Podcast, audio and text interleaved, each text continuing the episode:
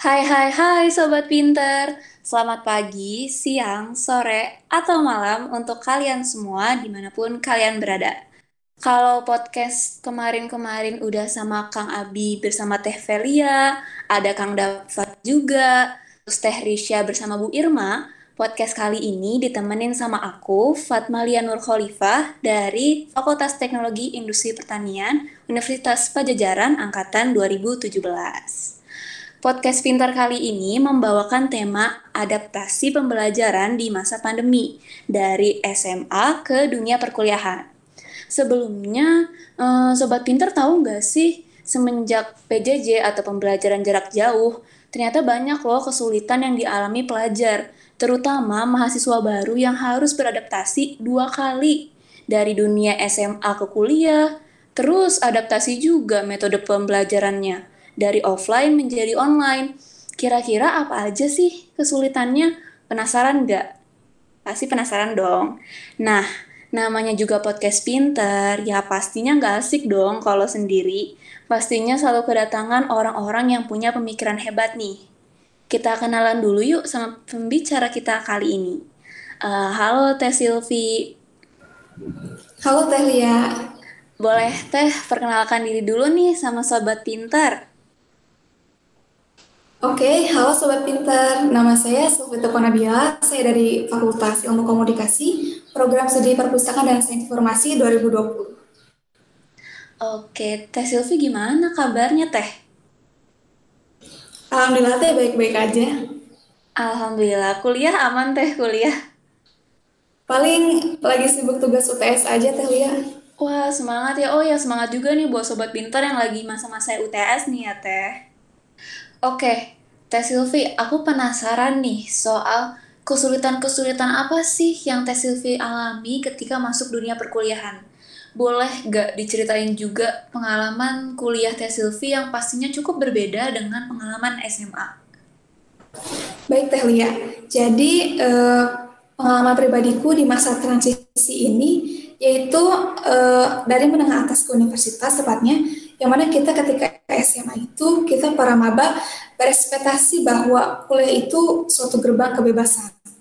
Karena jika dibandingkan kuliah tak memiliki tuntutan atas berpakaian contohnya dan jam pelajaran yang tak sepadan di SMA. Karena di SMA itu kita biasanya belajar dari jam 7 pagi hingga 4 sore dan itu belum termasuk ekstrakurikuler di hari Sabtu.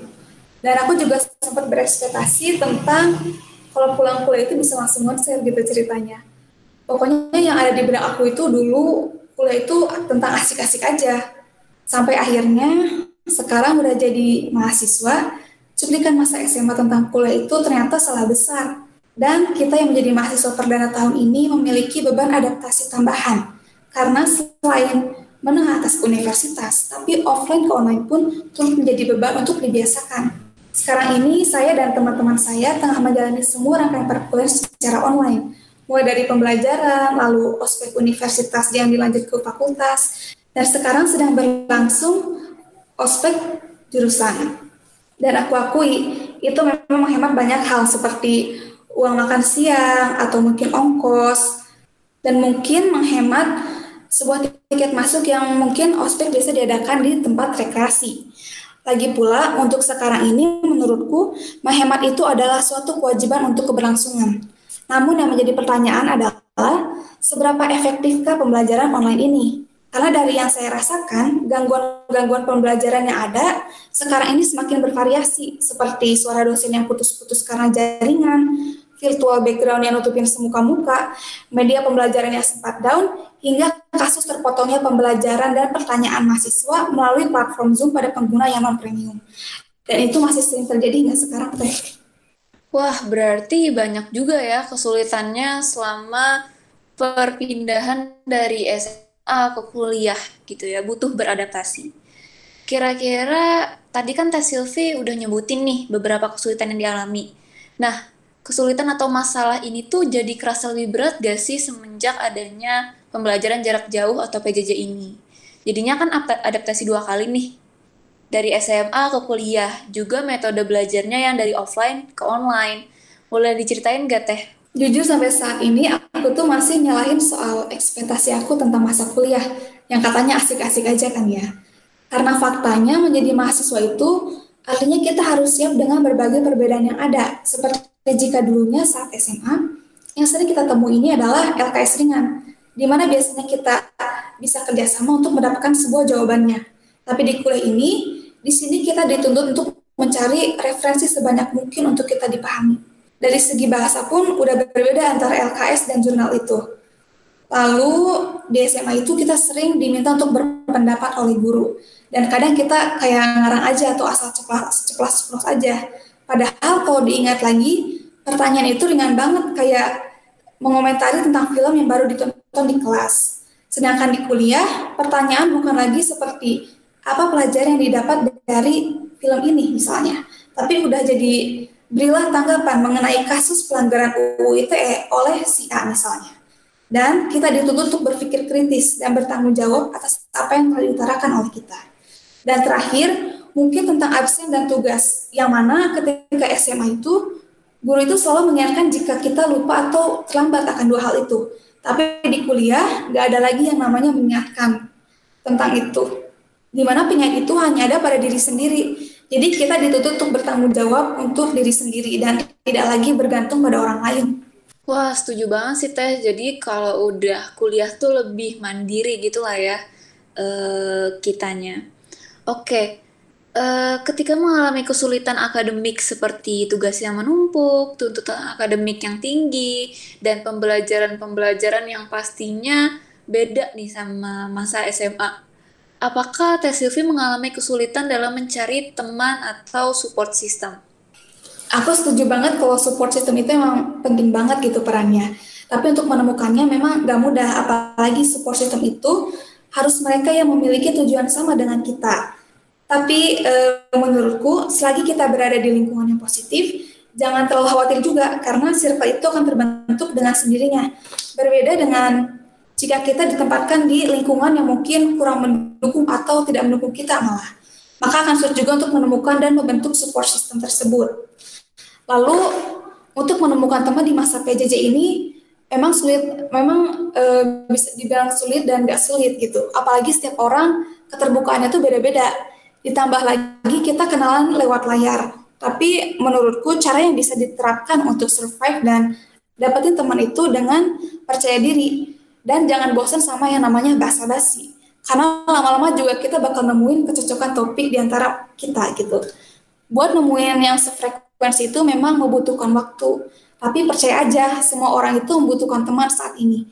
Jadi jangan mau lagi untuk buat aja kenalan atau mungkin nimbrung di obrolan grup. Bagaimana perasaan Teh Silvi mengenai kesulitan-kesulitan yang udah Teh Silvi alami? Apakah jadi stres, cemas, atau malah biasa-biasa aja sih sebenarnya?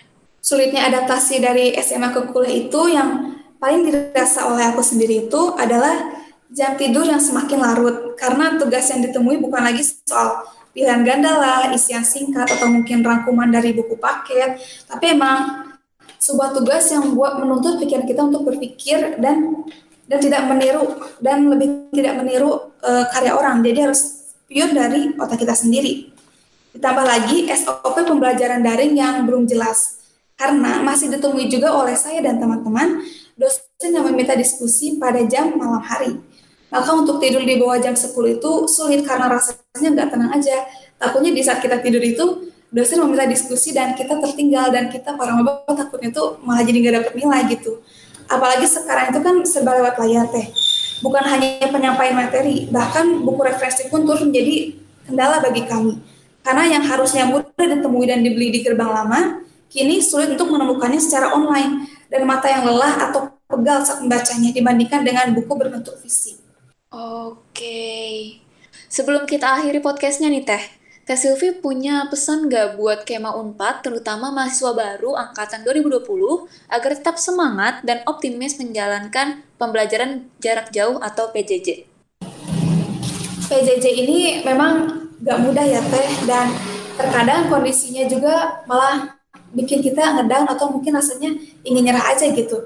Tapi yang aku pribadi terapin itu, aku selalu ingat kalau kita itu untuk duduk atau menjadi mahasiswa Unpad ini nggak mudah masa mau nyerah gitu aja setelah berusaha untuk mantesin diri untuk jadi mahasiswanya. hanya karena sebuah masalah atau mungkin sebuah tugas. Jadi jangan pernah sia-siain hasil yang kita dapat setelah lamanya proses yang dilalui.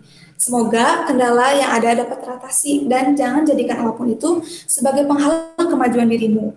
Walau nyatanya mungkin kondisi sedang tidak baik-baik saja. Teruslah bergerak, jarak bukanlah alasan untukmu tersumbat.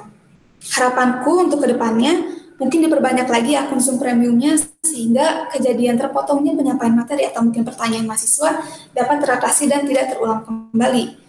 Kembali kita menjalani ini bukan hanya untuk diri kita sendiri, melainkan juga untuk kebaikan kita semua. Karena untuk saat ini berjarak adalah suatu kewajiban demi keberlangsungan. Ayo berharap agar pandemi ini segera berakhir teman-teman dengan stay safe di rumah aja dan jaga kesehatan juga kebersihannya ya. Amin, amin. Semoga pandemi ini cepat selesai agar kita yang dari online bisa kembali bertatap muka lagi dan berinteraksi secara langsung ke offline. Oke, terima kasih nih Teh Silvi udah mau nemenin aku khususnya dan udah mau kita undang ke podcast Pinter kali ini. Kira-kira kalau teman-teman atau sobat pinter pengen nanya-nanya lebih lanjut ke Teh Silvi nih, kira-kira bisa hubungin ke mana ya Teh? Mungkin ada Instagramnya atau apa? Boleh Teh, mungkin bisa buat berkenalan juga ya Teh, apalagi maba kan lagi nyari teman. Bener Itu bisa lewat bisa lewat Instagram uh, Silvi Tubilah Double L. Oke, itu ya teman-teman atau sobat pinter jangan lupa di follow dan kalau pengen tahu info lebih lengkapnya tentang uh, podcast Pinter bisa juga di follow at Unpad Pinter. Berhubung tadi pertanyaan yang terakhir, berakhir pula nih podcast pinter kita pada hari ini. Aku, Lia, dan Teh Silvi pamit undur diri. Terima kasih kepada Sobat Pinter yang sudah berkenan mendengarkan diskusi kita sampai detik ini. Mohon maaf bila kita masih banyak kesalahan. Semangat PJJ-nya, semangat OTS-nya. Semoga mendapatkan hasil yang maksimal. Jangan lupa juga dengerin podcast Pinter yang sebelum-sebelumnya. Dan sampai jumpa di podcast Pinter selanjutnya. Dadah Sobat Pinter. Dadah.